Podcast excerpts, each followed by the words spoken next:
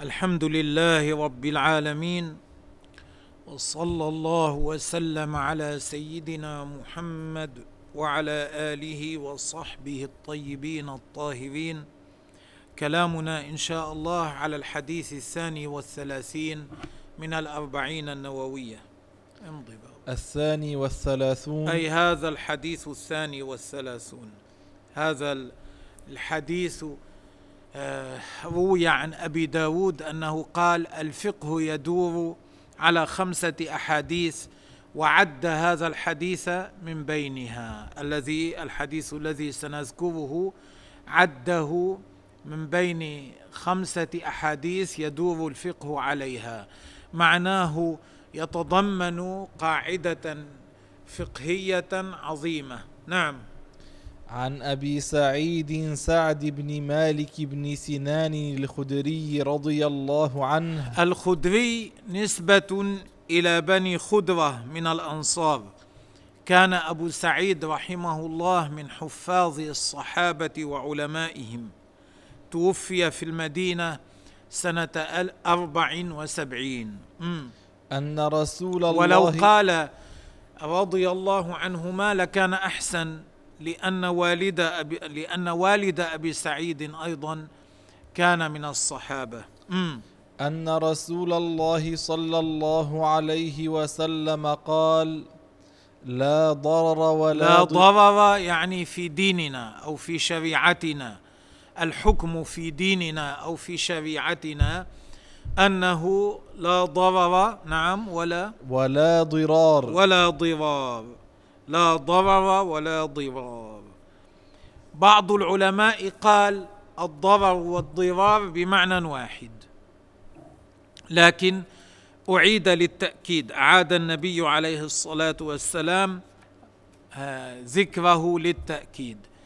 وقال بعض العلماء لا ليس بمعنى واحد. إنما الضرر والضرار مثل القتل والقتال. الضرر أن تضر من لا يضرك الضرار أن تضر من أضر بك. تضره ليس من الجهة التي أذن بها الشرع ليس من جهة المقابلة بالمثل ليس من جهة المعاقبة التي أذن بها الشرع. لا. مثلا لأن الإنسان إذا أخذ حقه لا يكون أخذ حقه مذموما آه، حيث أذن الشرع له في ذلك. مثلا إنسان لك عنده مال وهو لا يعطيك مالك ولا تستطيع أن تحصل مالك من طريق القاضي. لا لا تستطيع أن تستوفي حقك من طريق القاضي. ثم ظفرت بمال لهذا الذي جحد مالك. يعني أنت مثلا لك عند إنسان مال لا يوجد شهود. أنت تعرف أن لك مالا عنده. جحد هو. قال ما لك عندي مال. فأنت لا تستطيع أن تحصل من طريق القاضي هذا المال. فإذا ظفرت بمال له جاز لك أن تأخذ بمقدار حقك ولا تزيد على ذلك إذا استطاع إذا إذا استطعت هذا مذهب الشافعية والحنفية واحتجوا بحديث البخاري ومسلم أن هند. أن هند زوجة أبي سفيان قالت للنبي عليه الصلاة والسلام إن أبا سفيان رجل شحيح ليس يعطيني ما يكفيني وولدي إلا ما أخذت وهو لا يعلم ما أخذت من ماله وهو لا يعلم. فقال عليه الصلاة والسلام خذي ما يكفيك وولدك بالمعروف. أنتم لكم حق عنده.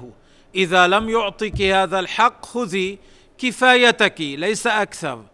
ما هو حقك في الشرع وما لأولادك في الشرع. خذي ما يكفيكم بالمعروف ولو بغير علمه. والمسألة لها تفاصيل تعرف من كتب الفقه. وقد ذكر الفقهاء اخذا من القرآن والسنة انواعا كثيرة من الضرر والضرار. منها مثلا الإضرار في النكاح. كيف يضر الإنسان بغيره في النكاح؟ مثلا رجل عنده أمة يملك أمة فيزوجها من مجذوم إنسان مصاب بالجذام أو من إنس من إنسان مصاب بالبرص فإنه ليس له ذلك. مثل إنسان يضر بامرأته في الرجعة كيف يطلقها. ثم إذا قاربت قبل أن تنتهي عدتها بقليل يرجعها. ثم يطلقها. فإذا قاربت انتهاء عدتها يرجعها. يفعل هذا حتى يضارها حتى يطيل عليها مدة العدة. فهذا ليس من ليس من الإمساك بالمعروف الذي أمر به ربنا عز وجل. من ذلك التفريق بين الوالدة وولدها في البيع. يعني إنسان عنده شاة وولد صغير لهذه الشاة ما زال يعتمد في معيشته على الرضاعة من أمه. لا يجوز له أن يفرق بينها وبين بينها وبينه بالبيع. أن يبيعه بدونها أو يبيعها بدونه. وكذلك سائر الحيوانات. كذلك إضرام النار إذا أضرم واحد يكره جاره أراد أن يضره. كان يوم فيه ريح فأولع أضرم النار في أرضه حتى تحترق أرضه وهو يعلم أن الهواء أن الريح ستأخذ النار إلى أرض جاره فتحرق زرعه. هذا أيضا ليس له ذلك هذا من الإضرار الذي حرمه الله تبارك وتعالى. من ذلك منع الماء لمنع الكلأ إنسان عنده بئر فيه ماء وقرب هذا البئر يوجد حشيش مباح. لا يريد أن يأتي إنسان بماشيته لتأكل هذا الحشيش. يريد أن يبقى هذا الحشيش لماشيته هو. هذا الحشيش ليس ملكا له إنما هو مباح. حتى يمنع غيره من أن يأتي بماشيته لا يسمح للآخر أن يسقي ماشيته مما زاد عن حاجته من ماء بئره. فيمنع ماء بئره الزائد عن حاجته. يمنع هذا الماء حتى يبقى الكلأ حتى لا تأكل لا يأكل الكلأ ماشية غيره. هذا أيضا من الإضرار الذي منع منه شرع الله تبارك وتعالى. لأن الإنسان إذا كان عنده بئر فإنه يلزمه أن يبذل الماء الزائد عن حاجته بشروط ذكرها الفقهاء. يلزمه ذلك. ليس أنه إذا كان عنده بئر وعنده زيادة عن حاجته جاء رجل يريد أن يشرب. ليس له أن يمنعه. جاء من هذه الزيادة التي تزيد عن حاجته. احتاج هذا الماء غيره للشرب. احتاج هذا الماء غيره لشرب ماشيته. ليس له أن يمنعه من ذلك. وكثير من الناس بهذا الحكم جاهلون. لا يعرفون أنه ليس لهم المنع من هذا. كذلك من جملة الإضرار بالناس أن يكون عنده بناء فيشرع يخرج من بنائه روشنا. يعني يخرج من بنائه مثل السقف فوق الطريق. ويكون هذا بحيث يضر بالمارة الذين يمرون في هذا الطريق. أيضا هذا ليس له. ولو كان أخرجه من بنائه إذا أراد أن يخرجه يخرجه بحيث لا يضر بالماره إلى مسائل كثيرة ذكرها الفقهاء من هذا النحو. نعم.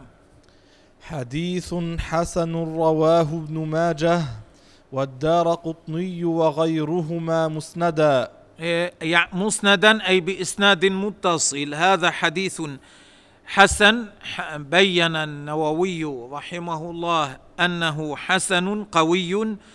قال رواه ابن ماجه والدار قطني وغيرهما. لكن ابن ماجه رواه عن غير أبي سعيد. والنووي قال عن أبي سعيد في أول الحديث. الذي روى الحديث عن أبي سعيد هو الدار قطني. أما ابن ماجه فأخرجه عن غيره عن عبادة بن الصامت وعن ابن عباس. رضي الله تعالى عنهما. فعزو النووي هذا الحديث إلى ابن ماجه وهم منه. إنما ابن ماجه روى الحديث عن عبادة وعن ابن عباس رضي الله عنهما. نعم. ورواه مالك في الموطأ عن عمرو بن يحيى عن أبيه عن النبي صلى الله عليه وسلم مرسلا. مرسلا يعني من غير ذكر الصحابي من غير ذكر الواسطة بينه وبين النبي عليه الصلاة والسلام. م. فأسقط أبا سعيد وله طرق يقوى بعضها ببعض. نعم وفي نسخة يقوي بعضها بعضا. فينبغي على الإنسان أن يحرص الا يضر بأخيه المسلم كما إنه يحب الا يضر كما أنه يحب الا يضر به أخوه المسلم. نسأل الله أن يوفقنا لما يحبه ويرضاه. والله تعالى أعلم.